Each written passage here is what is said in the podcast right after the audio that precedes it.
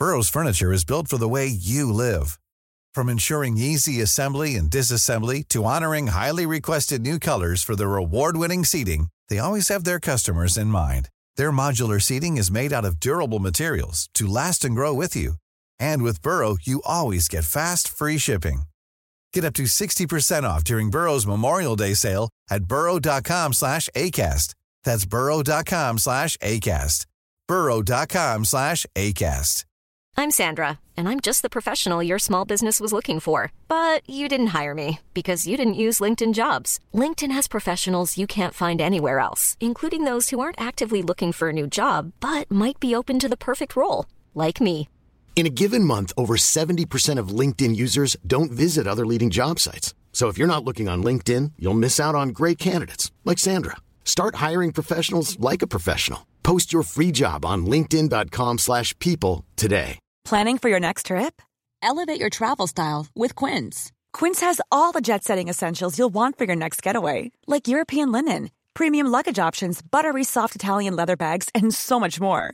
And is all priced at 50 to 80% less than similar brands. Plus, Quince only works with factories that use safe and ethical manufacturing practices. Pack your bags with high-quality essentials you'll be wearing for vacations to come with Quince. Go to quince.com slash pack for free shipping and 365-day returns. Jag var lite såhär när jag var yngre, jag blev lätt sjuk. Mm. För att jag åt ganska, ganska, ganska mycket socker. Och det kunde jag konstatera att äter du mycket socker så blir du lätt sjuk. Mm. Och sen jag, sen jag slutade med läsken och bara försöka hålla mig till bra saker så... Vad fan håll- äter du och dricker då? Vatten och bröd eller? Ja, det är banan och ris kanske? Nej men skämt åsido. Nej men jag försöker äta så hälsosamt som möjligt men jag mår bra. Jag har min Marabou några gånger i veckan som... Och sen tror jag jag har bra gener också. Faktiskt.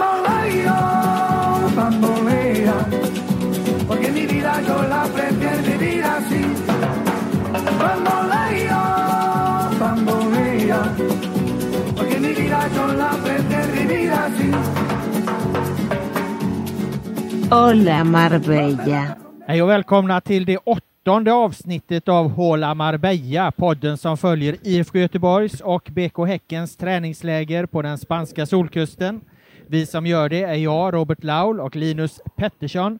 Idag har vi en väldigt fin gäst, en kamratföreningens kulturbärare utanför planen och truppens mest bolltrygga spelare på planen. En god kamrat som är bra med bollen. Jag pratar givetvis om Tobias Sana. Välkommen! Tack så mycket, tack så mycket. Extremt fina ord du gav mig där. Ja, ja, Linus, du har, du har liksom eh, varit på med om de här presentationerna. Du, du vill ha en lika fin själv, eller? Ja, det vill jag. Det är den jag sitter och väntar på. Men du har ju bara ökat i styrka ju, ju längre in vi har kommit i de här veckorna här. Eh, Rytting Kaneryd för några dagar som var nog den allra värsta. Vad var det? Cruyff-fintens okrönta prinsessa. Något sånt fint fick du inte Tobias, men det här var ändå bra ändå. Ungefär så. Sen när vi såg eh, BK Häckens damer spela där, så vad är du första gången gör på planen? En Cruyffin? Ja, alltså du är helt rätt på det. Vi ska prata mycket fotboll. Linus, du ska få dra din eh, berömda och väldigt uppskattade träningsrapport. Men vi ska faktiskt börja lite utanför planen. Ni hade en lagaktivitet här i dagarna, Tobias. Och eh, jag har egentligen bara en fråga om er, eh, ert paintballspelande som den här lagaktiviteten var. Eh, vem var bäst och varför var det Erik Sorga? Eh, vem som var bäst egentligen i det hela, det kan man säga som lag så var det faktiskt de äldre. Vi körde äldre mot yngre. Och det var kraftig dominans alltså. Hade vi gått till krig mot dem så hade vi vunnit 110 procent. Vilka var det kraftig dominans för? De äldre? De äldre. Det är så som när det är på småspel också, de äldre vinner oftast. Men den som var bäst, eller de som var för mig, som tog alltså flaggan, gick, eh, det var Bernardo och eh, Oscar Wendt.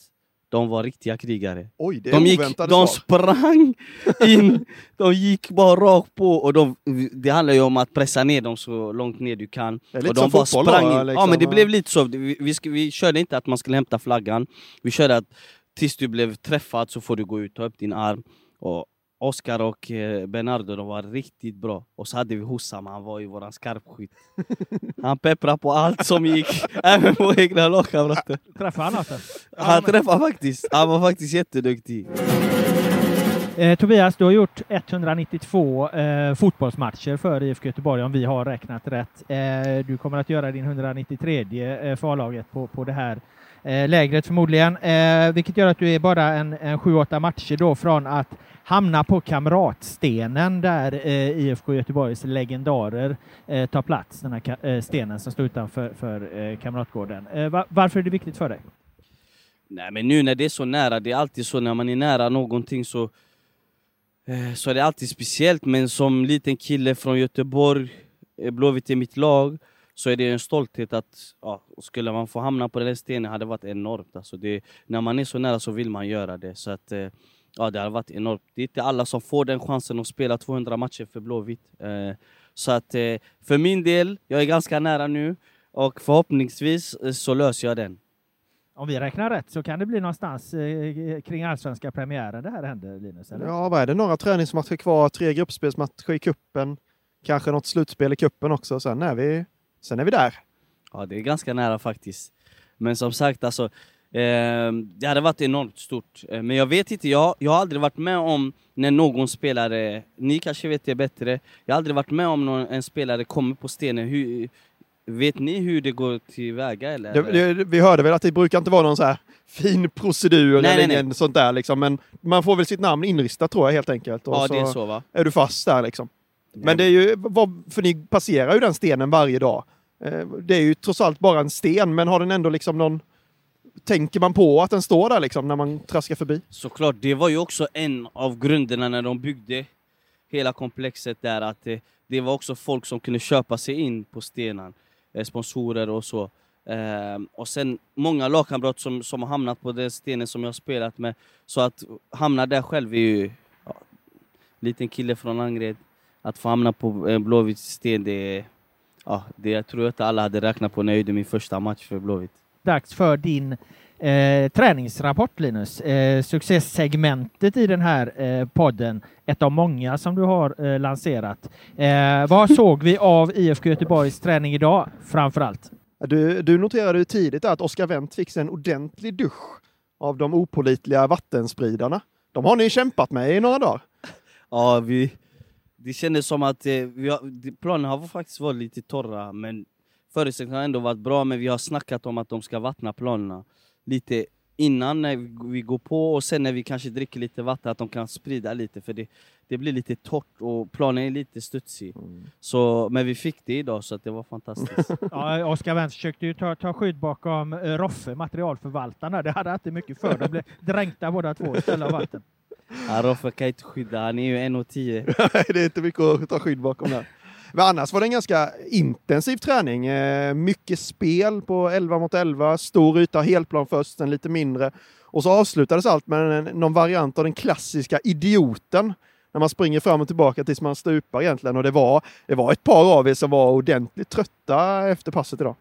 Nej men det är så det ska vara. Alltså, vi är i den fasen där man, vi har löpt mycket, extremt mycket, alltså om man säger till lång distans, men vi behöver också de korta, explosiva fibrerna, att väcka de musklerna, inte bara de här bara ligga och mala och mala och mala. Alltså, det här vi gjorde idag, det, det är mer fotbollsrelaterat. Att Okej, din back kommer på överlapp, så vinner vi boll, så ska du slå honom i djupled. Alltså det blir lite så att man blir ju trött. Alltså du hinner ju, du vilar 15 sekunder så ska du på det igen. Och det, det är så, det är så en fotbollsmatch ska vara. Mm. Så att det var positivt. Vi noterade, det hände ganska mycket på, på, på den här träningen, eh, måste man ändå säga. Vi noterade eh, Kevin Jakob gjorde ett, ett mål efter en enorm brottningsmatch med Bernardo Villar var det. Och, och, eh, du jublade som ni hade avgjort Champions League över det målet, Sanna. Kommer du ihåg vad jag menar? Ja, jag vet. I den där situationen, jag går i djupled, sen Oscar chippar in den till Kevin, Kevin tar emot den. Och så hamnar han i en UFC-fight med Bernardo där som... Och så drar han en sula förbi målvakt och lägger in den. Nej men det är viktigt att vinna på, på träningar. Alltså det är viktigt att man, vinner, att man ska vinna. Och det, vi har ju sån poängliga och sånt så att... Eh, Aha, vem, vem leder den eh, än så länge? Eller är det hemlighetsstämplat? Nej det är inte hemligt. Eh, Förra året vann jag den. Såklart. Och i, i år leder jag den också, så det är viktigt för mig att eh, jag vill vara där i toppen. så att, eh, nej men det är viktigt, men sen också att vi, vi gör mål på de lägena vi får alltså, på sådana här träningar. För ibland när man tränar vissa delar, press och anfall, så blir det, när de motståndarna vet vad du ska göra så måste du ta vara på de chanserna vi får. Och sen Kevin är, för mig det är en otroligt begåvad fotbollsspelare. Han är monsterstark, träningsvillig.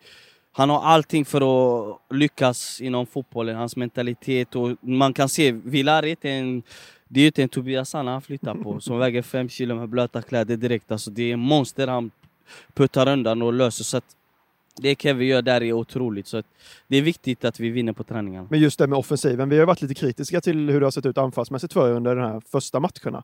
Eh, och Stare var inne på det själv, eh, tränaren, efter, efter matchen senast, att det hackar inte riktigt i offensivt. Och vi, vi saknar väl någon lite röd tråd i hur ni ska anfalla och hur ni ska göra mål. Eh, ge, oss, ge oss någonting här. Nej men det som du säger där, eh, men man får också konstatera att vi, vi har tränat extremt, extremt mycket försvarsspel under försäsongen. Väldigt lite eh, anfallsspel. Eh, så att vissa saker kommer inte bara av räls om du inte nöter det. Likväl som vi har nött försvarsspel, att vi ska ligga kompakt, stänga bollar mellan oss och låta dem spela utåt, hålla dem utåt. Där tycker jag ändå vi ändå mot ett skickligt lag som Hammarby ändå håller oss ändå ganska bra.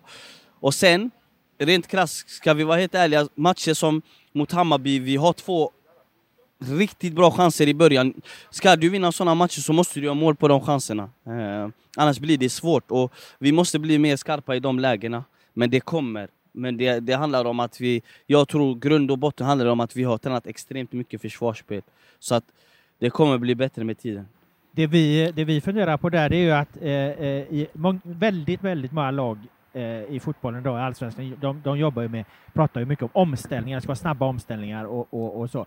Eh, men för att vara riktigt bra på snabba omställningar, då måste man kanske ha väldigt, väldigt snabba spelare. Nu vet jag att nu, nu börjar Stara också prata om att IFK Göteborg ska ha snabba omställningar, men då ser inte vi riktigt att ni har inte riktigt de spelartyperna som är, är, är, är så snabba om man jämför med till exempel Häcken. Och då tänker vi, okej, okay, om, om, man inte har det, kan man liksom ställa om snabbt ändå eller, eller ska man ha något annat då, eller ska det vara en kombination eller?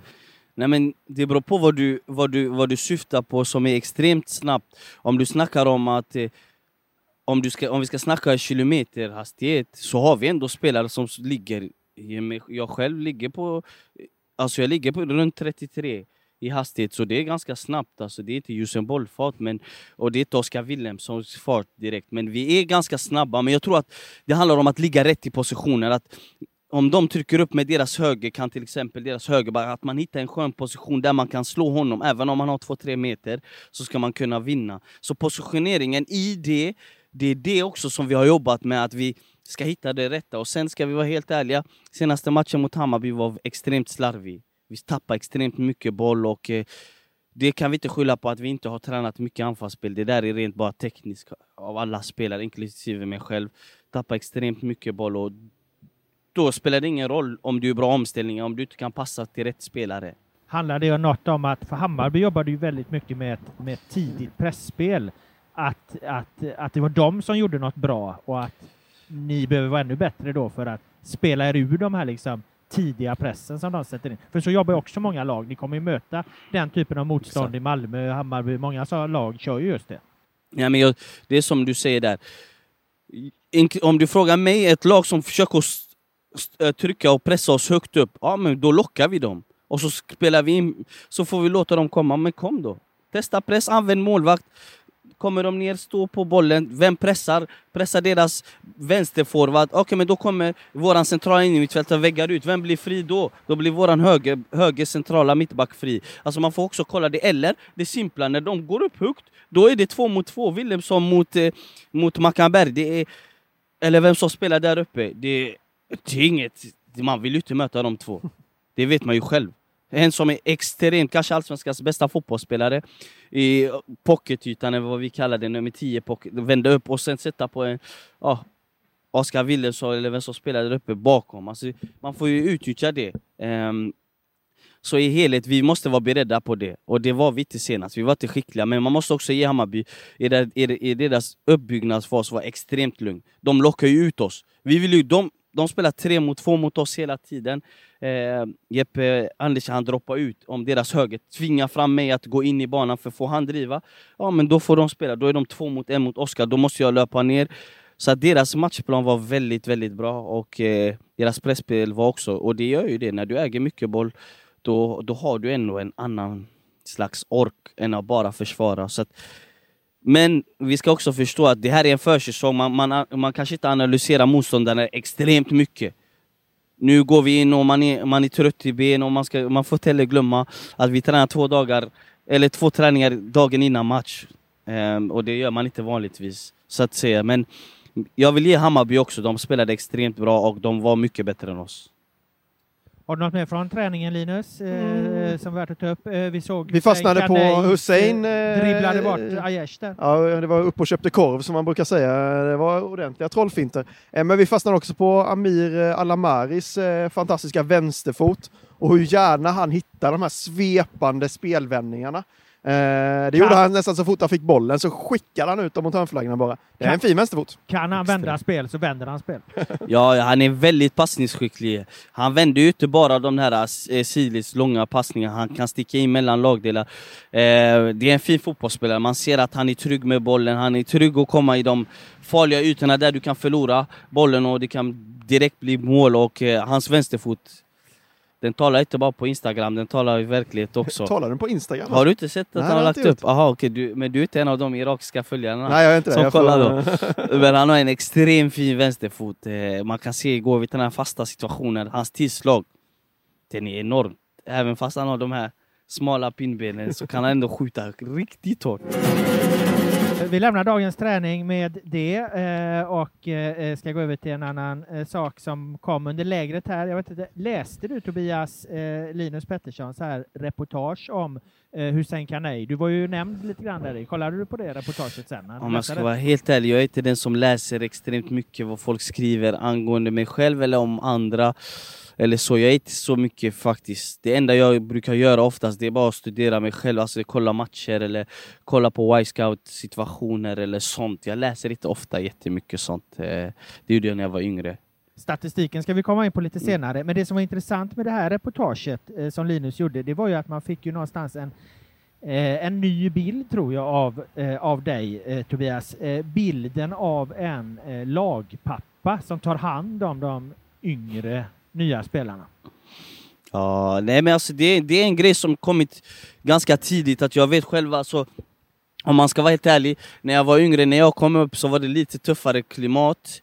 Men, och jag, vill, jag, jag tror på det här, att kan du ta hand om människor som till exempel, när, när vi tar Hussein då som kommer, och han kommer in i ett lag, om, jag ska, om, om han ska få gå den hårda skolan, eller ska jag hjälpa honom, så att han känner sig bekväm, då kan vi få ut den så snabbt som möjligt, den potentialen av det han kan. Och den spelaren vi snackar om just nu, han har, han har, han har allt alltså. Han har vilja, han har skott, han har en mot en. Han har passningsspel, han har blick. För mig det är en fantastisk diamant vi har i, i Blåvitt. Alltså. Och för mig, han klickade lite. Jag kunde se när han kom första träningen att han kollade lite på mig och, och, och så. Då det, det kändes, det var givet för mig att lägga ar- armen runt om honom. Och, och, det känns för mig som en självklarhet att jag skulle ta hand om en sån Men det är inte den första spelaren, för alltså, nästan alla nyförvärv jag pratar med, Mm. eh, Erik Sorga till exempel, han, han, han nämnde ditt namn först.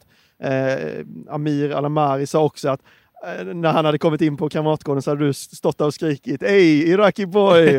och, och, och det känns som att alla nyförvärv och alla nya spelare som kom upp eh, välkomnas så varmt av dig. Nej men jag tror att det är viktigt, för mig också det är viktigt alltså, så, om, man är, om man kan säga så här, jag har ändå varit i Blåvitt nu, vad är det, jag är inne på min tredje eh, säsong nu, sen jag kom hem och sen hade jag varit där fyra och ett halvt år innan. Så känns det som att jag kan den här klubben, och folk som kanske kommer, om man kan hjälpa dem och, och visa vägen om ja, vi har bötesystem eller vad vi än har, att de underlättar för dem så ska jag göra det. Och då vill jag gärna ta den rollen. Och det är sånt som jag är som människa. Jag vill ta hand om människor och att de ska känna sig bekväma. Också för klubbens skull, men också för, för spelarens skull, att han ska känna sig bekväm. Så det, och sen, det är jag ett nötskal att skoja på ett visst sätt. För att jag tror att kan du vara skämt kan du skämta med människor då kan de också bli lite mer bekväma. Att det inte ska bara vara blodigt allvar. För jag tror i fotboll, man får inte heller glömma att man ska också ha kul. Det ska vara allvar, vi spelar om tre poäng. Vi, vi- fans betalar för att komma till våra arena. Vi ska göra 100% och vi ska visa hjärta, vi ska göra allting. Man får inte heller glömma att vi började att spela fotboll för vi, vi tyckte det var kul. Så att för mig är det viktigt att ta hand om alla människor, att de känner sig bekväma och eh, utanför och på plan. Du får rätta mig om jag har fel här nu, men Eh, Christian Kouakou var ju hos IFK Göteborg tidigare. Han hade ju en, en tuff period där när han gjorde självmål och, och hans mamma blev mordhotad. Mm. Eh, jag läste någonstans att han sov hemma hos dig den Nej, det natten, var inte så eh, faktiskt. Eh, Jag sa till honom, om du vill du kan... Eh, Han har ju fått massa meddelanden, så jag sa bara till, eh, de ringde till hans telefon, så jag sa bara till honom, brors om du vill så kan du komma och slagga hos mig. Vi kan chilla, bara spela Fifa, vi kan bara ta det lugnt. Bara lägga, alltså istället för att gå hem till lägenheten, sitta ensam, så tänkte jag mer, ja vi kan gå hem, vi kan ta det lugnt. Jag vet att det är jobbigt. Alla, jag har själv varit i, inte i de situationerna, sådär. Men att man har varit i en dipp, man kanske känner sig lite ensam. För mig var det viktigt och jag ville bara erbjuda den här. Om du vill så är du välkommen hem till mig. Slappna av, vi sitter och snackar. Det, det ska du inte tänka över. För jag tänker själv, alltså, om du själv har fått såna Det som hände honom, det är oacceptabelt. Och sen ska du sitta själv, folk ringer dig stup i kvarten. Så för, för min del så var det, det var bara att jag ville erbjuda. Sen om de tar det, det är upp till dem. Alltså. Ja, för med Hussein Kanai där, hade du öppnat väl ett hem för honom mer eller mindre? Vad jag förstod av reportaget där i, i GP. Nej men det var också lite också, om jag ska vara helt ärlig, nu ska jag inte sitta och hylla mig själv som att jag är värsta. Men grejen var också den att det handlar ju också om en coronasituation. Att han ska sätta sig på en spårvagn, tåg och buss in till eh, Kamratgården. Så tänkte jag, du åker, du måste ju hem till din familj såklart, men vi skulle upp klockan sju på morgonen till Nordsjälland på lördag, men det blev ju inställt för det var ju, vad var det, Malik som hade kommit, Ja, stormen det Malik. där. Ja, så det blev ju, vi fick ju reda på det på kvällen, men det var ju också för att han inte skulle gå upp klockan fyra på morgonen, så tänkte jag Kingen det är bättre att du kan slagga hos mig, och så kan vi åka, eftersom jag hämtar honom varje dag vid centralstationen vid typ ja, kvart över åtta, så tänkte jag ta med dig kläderna och så sov, så slipper du gå upp så tidigt så åker vi tillsammans, för vi skulle ändå träffas kvart över sju och göra coronatest. Ska han gå upp klockan fyra? Det, det är inte heller de bästa förutsättningarna, så att det, det kände jag som det ska jag göra. Så att det var ganska givet för mig. Men, men även fast vi kanske benämner dig som en pappa här nu så du, du känns ju väldigt ung i sinnet. Och jag tror att det var Kristoffer Dagaccia som tidigare var i IFK Göteborg som kallade dig någonting i stil med den, den unga farbrorn. Eh, Ja, men jag är faktiskt... Jag, jag ser mig själv ändå, det är som jag sa innan, jag ser ändå ganska ung. Många människor som kommer och frågar mig, de frågar mig alltid Hur gammal är du? Jag säger men jag är 32 år gammal. Nej! Det är om, alltså, har du fuskat med passet eller någonting? Nej, jag är, jag är, jag är 32, det är så. Men det, det går i mina gener. Min pappa, han, vad är han, 63, han ser också ut att vara 40. Min storebrorsa som är 40, han ser ut att vara 25. Så det ligger i våra gener. Och sen, det, för mig, jag vill vara ungdomlig. Du får jobba lite mer med skägget. Ja, men skägg, Släppa ut det lite mer. Tyvärr kommer inte, jag har jobbat med det här i tio år strax. Jag har shavat, shavat, Gillette, Gillette, Gillette. Det här är det längsta det kan komma. Nej, det kommer inte. Jag har ju hållit på här och försökt få lite, men det kommer inte. Du, eh, Tobias, eh, den här rollen i alla fall. Är det någon, har du något exempel under din egen karriär? Någon som har tagit hand om dig? Någon, någon som har liksom inspirerat dig på det här? Att, att det är viktigt och bra och att det faktiskt ger mycket att eh, hjälpa honom på det sättet? Nej men alltså det, det var faktiskt alltså... För mig var det, var det annorlunda, det var bara att jag... Jag själv, jag tror att klimatet var hårdare när vi var... När jag, var, när jag kom, det var att man fick, ta, man fick visa framfötterna och allt det där. Så jag tror egentligen, det är inte så att jag någon har varit, tagit hand om mig på det sättet. För det är som jag också sagt till många av de yngre. Ja, jag kan ta hand om mig, jag kan göra allting, jag kommer göra allting. Men det är fortfarande, utanför kan jag hjälpa er mycket mer på planen. Vi spelar i samma lag. Det är inte så att jag är Cristiano och jag kan ge dig saker och allting. Alltså vi är i samma lag på grund av en anledning. Vi, vi spelar i Blåvitt. Det är inte så som att jag är tusen gånger bättre eller det. Jag har mer erfarenhet. Men jag kan inte hjälpa dig extremt. Jag kan hjälpa dig, vi kan träna extra på planen, vi kan göra det här. Um, och alla de bitarna, Uh, det kan jag hjälpa till med, men resten får du göra själv. Du ska göra det du är bra på. Det är därför du har kommit hit. Och den vill jag förmedla till allihopa, att vare sig var dig själv, alltså det är viktigt. Var dig själv och, och gör det du är bra på. Ändra inte din spelstil för att du har kommit upp i A-laget. Sen måste man ju värdera i situationer och allt det där. Eh, men det kommer man lära sig av misstag. Det, det tror jag på och den filosofin vill jag alltid stå för. Att våga göra misstag, för det är den som jag tror det kommer få success. Om du inte vågar och du ska vara safe, då kommer du aldrig lyckas. Så det, är så jag, det är mitt motto i livet. Jag kommer alltid försöka göra den svåra passningen kanske. För jag vet, den lyck lyckas den så gör vi mål. Och någon gång kommer jag ju slarva, men ja, gör du det och det måttet vill jag säga till människor som till exempel Hussein som dribblar att man ska göra det. Tro på det du är bra på, ändra inte din... Sen måste du lära dig att spela enkelt i situationen, du måste göra det. Men i grund och botten ska du vara dig själv och må bra. Det är det viktigaste som människa. Tobias, vi Mm. har eh, ett segment här som handlar om statistik. Eh, Du nämnde ju Y-scout här. Vi använder oss av Instat, det är liknande matchanalysverktyg. Eh, Det går ut på att ja, all statistik sammanställs, allting mäts, allt mellan himmel och jord. Det finns ett en tjänst där som heter Similar Player som du Linus har tagit fasta på.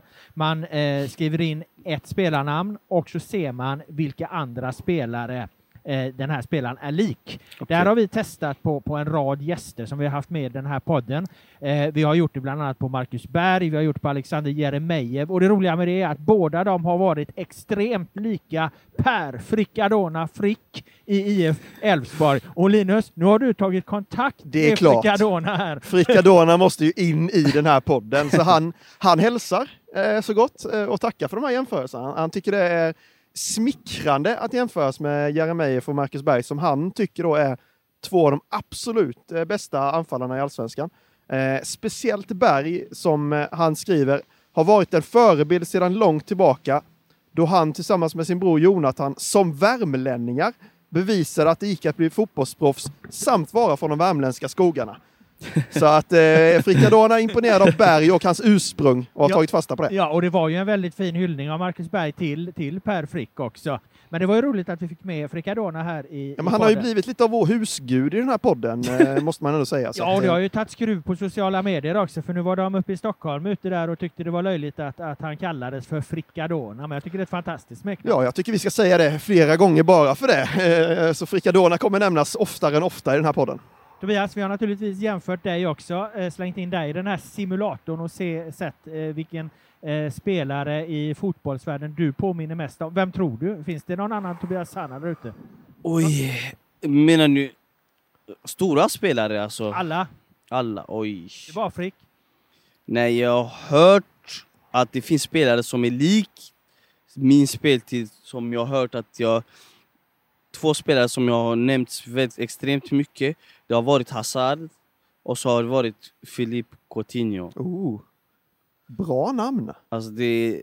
De, De, de, de gör inte ont att säga. Nej, det, det har jag hört alltså, att, eftersom vi båda allihopa gillar att när vi får bollen felvänd att vi jobbar mycket med sidledsrörelsen, sen försöker vända med yttersida och spela framåt. eh. Nu är vi ju lite eh, som vi var med Simon Tern här eh, i det antiklimaxet som uppstod i det avsnittet när han jättegärna ville bli jämförd med Paul Pogba och han pratade lite om Andres Iniesta också. Sådär. Och så blev det Jesper Gustafsson i Mjällby tror jag vi landade de, den är Det var ett fall eh, från ganska hög höjd, eh, Tobias. Här, så att, Ja, vad har du Linus då? ja, men vi har eh, 93% likhet med spelare nummer ett, Kristoffer Petersson.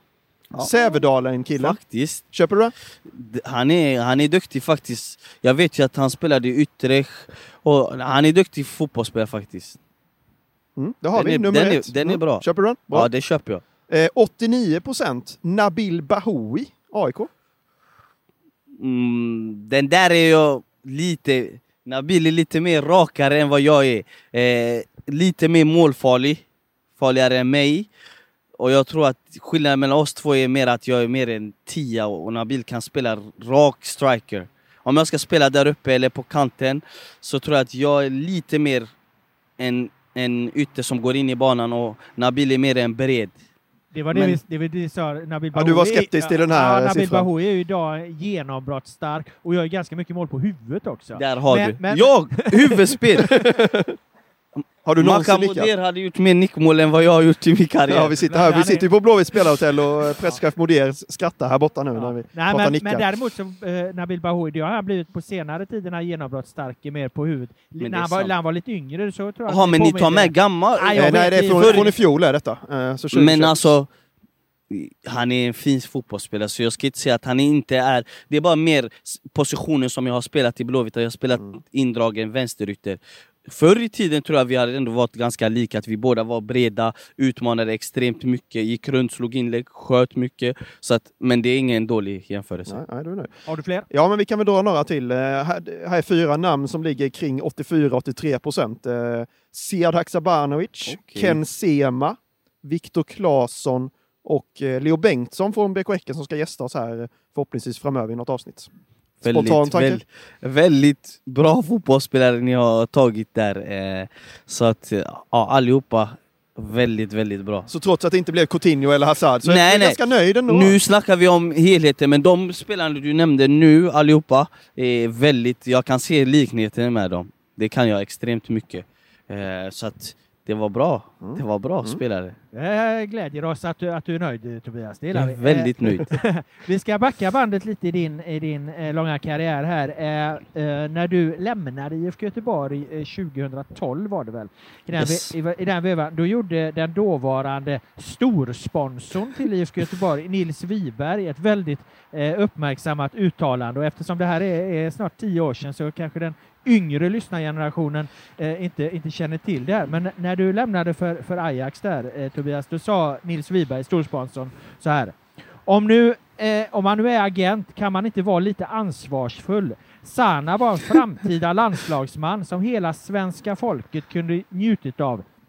Eh, för han är en sån talang. Nu hamnar han i Ajax i B-laget och sen skickar de honom till Sibirien och sen har han fått sina jävla miljoner. Han kunde lika gärna blivit astronaut eller börsmäklare. Det finns så många frågor i, den här, i det här Ja, citatet. Alltså. Om jag ska vara helt ärlig.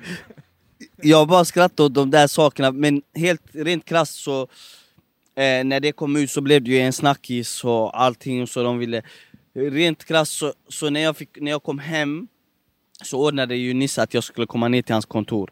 Han skulle förklara vad han menade. Rent krasst, han är också en person som det är inte första gången han har sagt saker och ting. Men om man, om man kollar vad han säger mellan raderna så är det egentligen inga negativa saker han säger. Folk vill ju vrida och vända det till att det blir negativt. Egentligen det han konstaterade var att han hade önskat att jag hade varit kvar i Blåvitt. Och det är det han sa. Och det var det han ville formera. Sen de här orden att det skulle bli astronaut, alltid. Det var en besvikelse som han menade på. Det var att han tyckte, han kom till Ullevi för att han ville kolla på mig, han tyckte jag var en fantastisk fotbollsspelare. Han ville inte att Blåvitt skulle tappa mig just i det skedet. Eh, så att eh, för min del, jag skrattar åt i, i idag och det gjorde jag också då. Och jag och han, vi har en extremt bra relation och eh, han har alltid tyckt om mig, jag har också alltid tyckt om honom. Och han, alla människor har sin åsikt och eh, i slutändan så har jag stor respekt för honom. Men, men det han egentligen säger det är väl egentligen att han tycker att talanger då, unga talanger som nu var då, lämnar svensk fotboll för tidigt. Det är väl egentligen den debatten han plockar Men grejen upp är den, var det för tidigt när jag är 22 år gammal och har spelat fyra och ett halvt år i Allsvenskan? Det vill jag inte säga är tidigt. Det hade varit skillnad om, jag, om det var min första ordinarie säsong och få det. Och sen kan jag fråga, du kan fråga Leo Bengtsson när ni, när ni träffar honom om han hade fått chansen att lämna Häcken till Ajax. Vem som helst hade kunnat ta tag i den situationen. Man får inte glömma, för mig var det också extremt stort. Jag, min idol var Patrik Klövert sen jag var ung. Han kommer därifrån skolan som de spelar fotboll på. Det har gett mig extremt mycket av den fotbollsspelare jag är idag.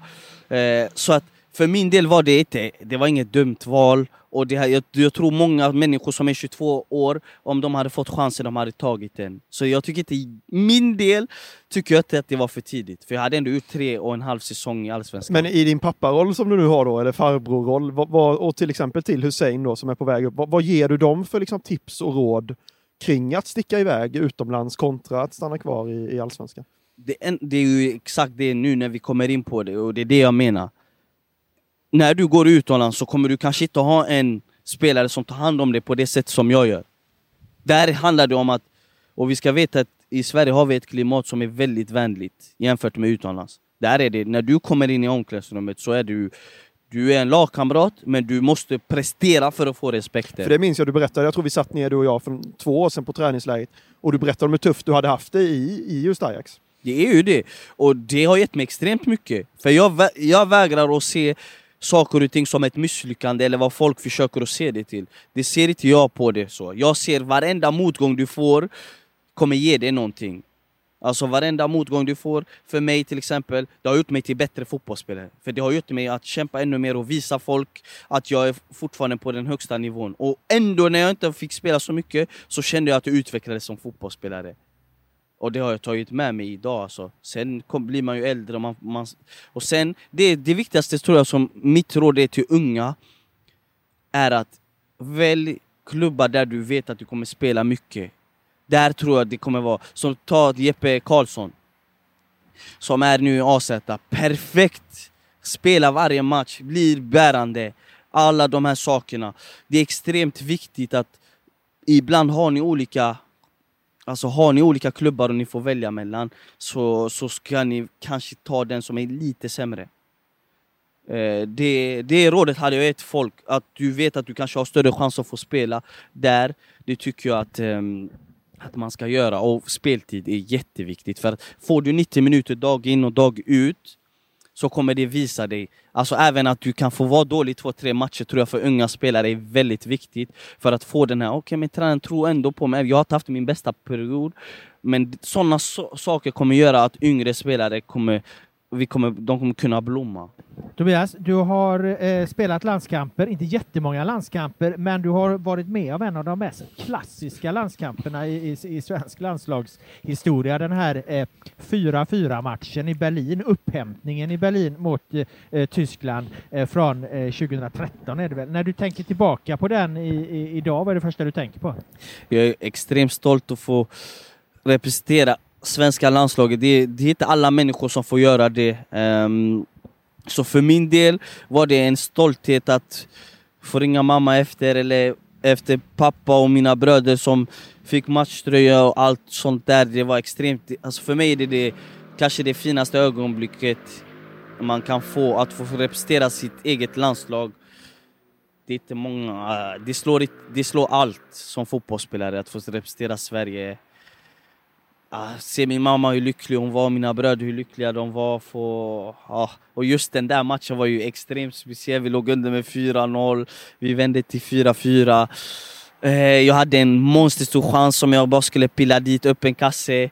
Eh, ah, helheten, allting. Jag tror det var så mycket adrenalin, även fast jag inte spelade, jag spelade kanske 15 minuter, men bara att få den upplevelsen var enormt. Alltså mot Tyskland. Och vi, det var 4-4, det var som att vi det var som vi vann matchen. Alltså det var sån atmosfär efter att det var helt otroligt. Och sen Rasmus Elv, han räddade ju mig där.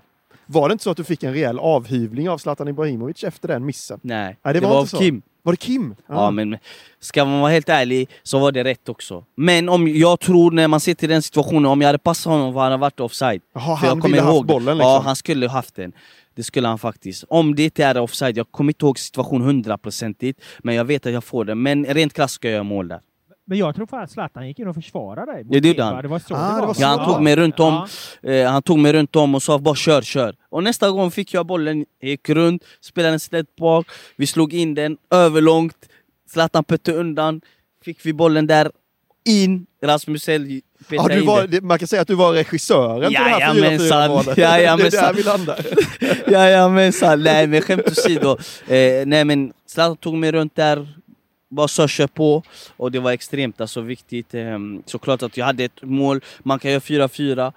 Men vi lyckades ändå. Den moralen som vi, som vi hade i laget, eh, det är extremt. Jag tror det är få lag som har kommit tillbaks från 4-0 mot Tyskland. Vi har sett ett klassiskt, eh, eh, vad heter det, var det VM eller EM när Brasilien fick 8-1 eller vad det blev av dem. Och vi i lilla Sverige kunde köra över Tyskland, eh, om man kan säga så, i andra halvlek. Det är, wow, det är, ja, jag har fått vara med, om jag vill säga, jag har fått vara med om två extremt fina landskamper som jag anser är väldigt stora. Första matchen på Friends, där Ibra gör fyra mål mot England.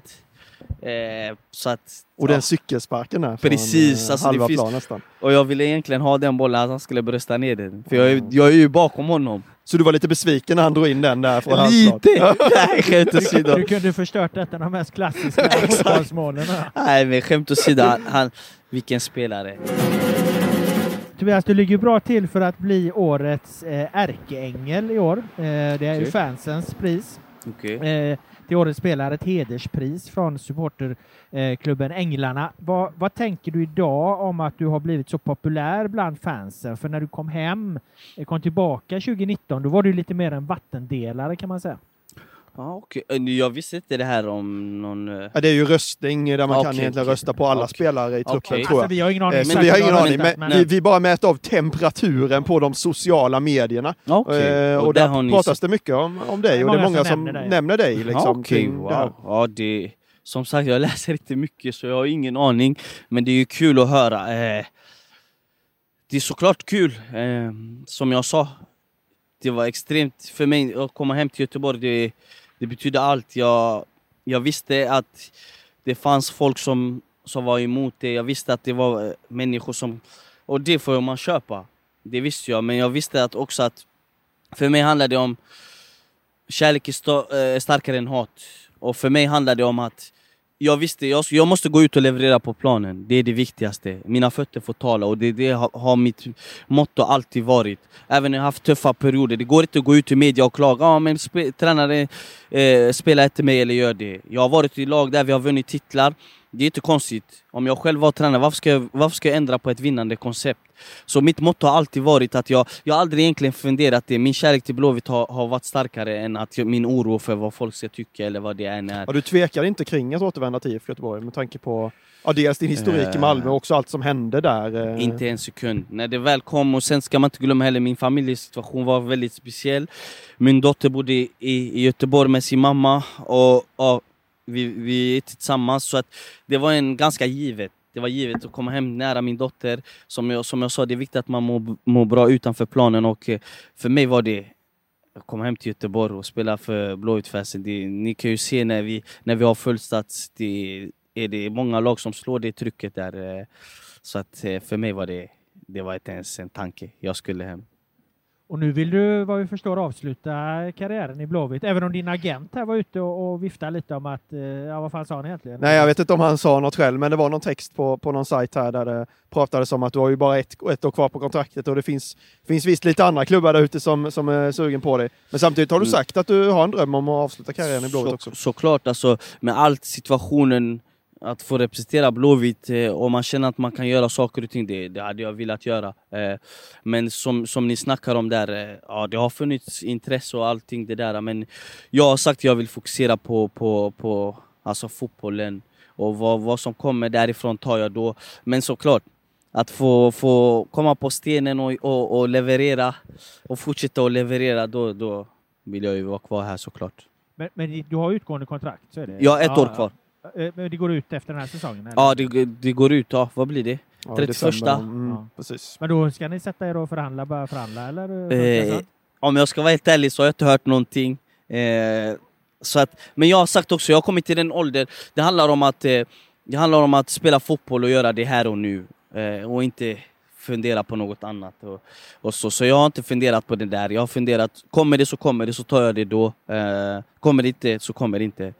Då är det så, så som det är. Men eh, frågar du mig så, så vill jag fortsätta. Jag känner att jag har, jag har några år kvar i karriären där jag kan spela på högsta nivå.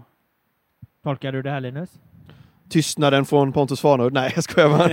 Nej, men jag tycker vi har sett eh, Tobi- hur mycket Tobias har be- betytt för IFK Göteborg sedan han kom tillbaka. Du har ju verkligen låtit dina fötter tala.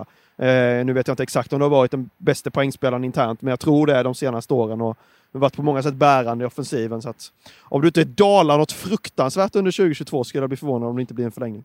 En tråkig sak som hände för svensk fotboll här under, under hösten i fjol var ju att eh, den här situationen, eländet som Pavel Sibicki försatte sig i. Eh, ni var ju lagkamrater och, och vänner antar jag i Malmö FF för några år sedan där. Eh, vad, vad tänker du kring hela den historien? Nej men såklart att det är tråkigt. Eh, enormt begåvad fotbollsspelare. Eh, och så. Jag tycker att han kanske, hade han fått spela så hade han varit eh, kanske en av de bästa forwards i, i Sverige. Så duktig är han. Jag har spelat med honom. Han är extremt bra avslutare. Väldigt smart spelare. Eh, likt de andra forwardsen vi snackade om innan, Mackan och Jeremejeff som jag också har spelat med. Väldigt fin fotbollsspelare. Eh, så det är ju tråkigt.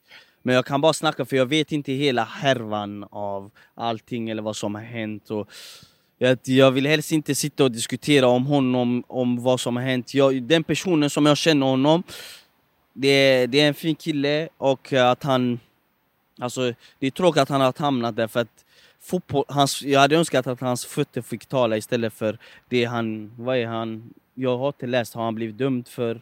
Ja, han, Han är väl avstängd i flera år. Ja, Ja. han är avstängd av, av både Fifa och fotbollsförbundet och så blir han ju dömd i, i, i hovrätten där då för, för det här Ja. gula kortet han ska ha tagit. då, Så att han fick ju någon villkorlig dom liksom. Ja, det är tråkigt. Fyra år, om det är så fyra år eller vad ni sa här nu, så är det extremt. Det är en väldigt begåvad fotbollsspelare som kanske aldrig kommer tillbaka igen. Men min förhoppning är, det enda jag kan bara säga det är att jag hoppas att han, att han kan få en ärlig chans för det är en enormt duktig fotbollsspelare. Och jag, jag vill inte sitta här och döma honom. Jag känner han som människa, jag känner hans familj. Och jag kommer bara se den Pavel jag känner. Och sen vad, som, vad han har blivit dömd av, jag har inte någonting med lagen att göra. Jag respekterar honom för den här personen, jag känner han sedan den tiden i Malmö och eh, det enda jag har att säga är att han är en fantastisk fotbollsspelare. Astronaut, vad var det vi sa? Börsmäklare och nu Högsta domstolen-domare. Det är där vi har Tobias Sanas framtid kanske. Nej, det vill jag inte säga. Och du menar att han friar honom i, i HD då eller? Nej, nej, han vill ju inte Mycket döma, men jag sa att han är ju ändå på väg åt det hållet och när vi ändå har rabblat lite potentiella yrken tidigare så kan vi ju bara fortsätta här nej, jag. då tror jag snarare att jag hade varit en kock. En för jag kock? vill vara en gentleman.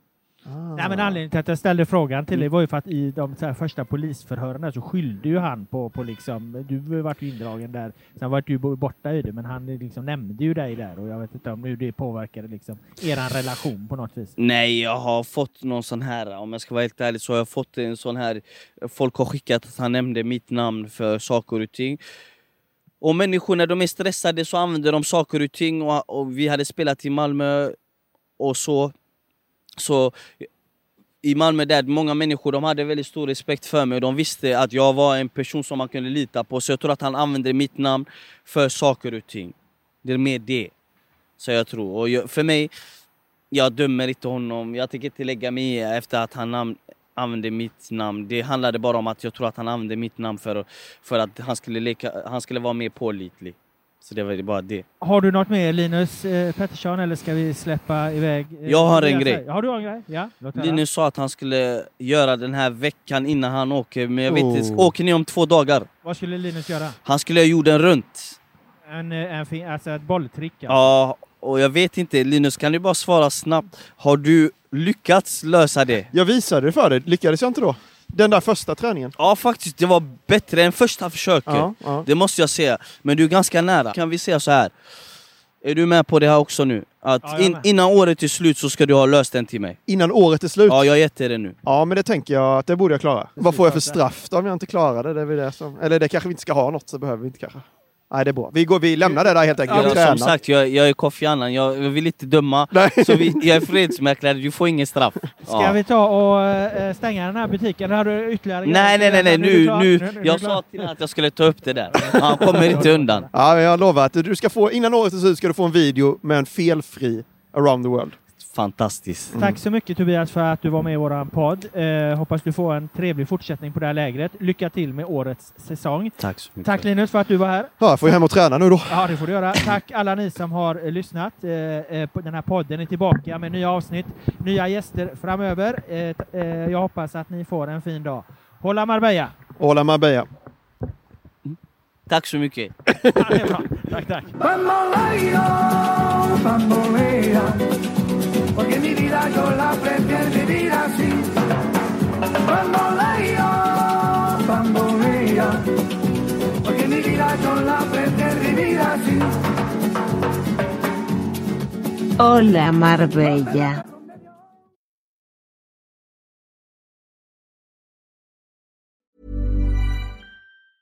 Normally, being a little extra might be a bit much, but not when it comes to healthcare. That's why United Healthcare's Health Protector Guard fixed indemnity insurance plans, underwritten by Golden Rule Insurance Company, supplement your primary plan so you manage out of pocket costs. Learn more at uh1.com.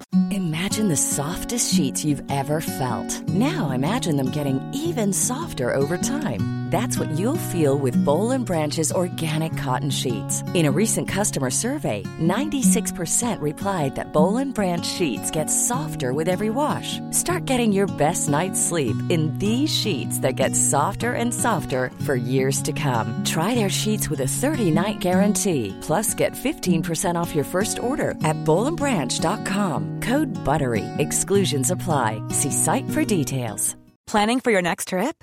Elevate your travel style with Quince. Quince has all the jet setting essentials you'll want for your next getaway, like European linen, premium luggage options, buttery soft Italian leather bags, and so much more. And is all priced at 50 to 80% less than similar brands. Plus, Quince only works with factories that use safe and ethical manufacturing practices. Pack your bags with high-quality essentials you'll be wearing for vacations to come with Quince. Go to quince.com slash pack for free shipping and 365-day returns.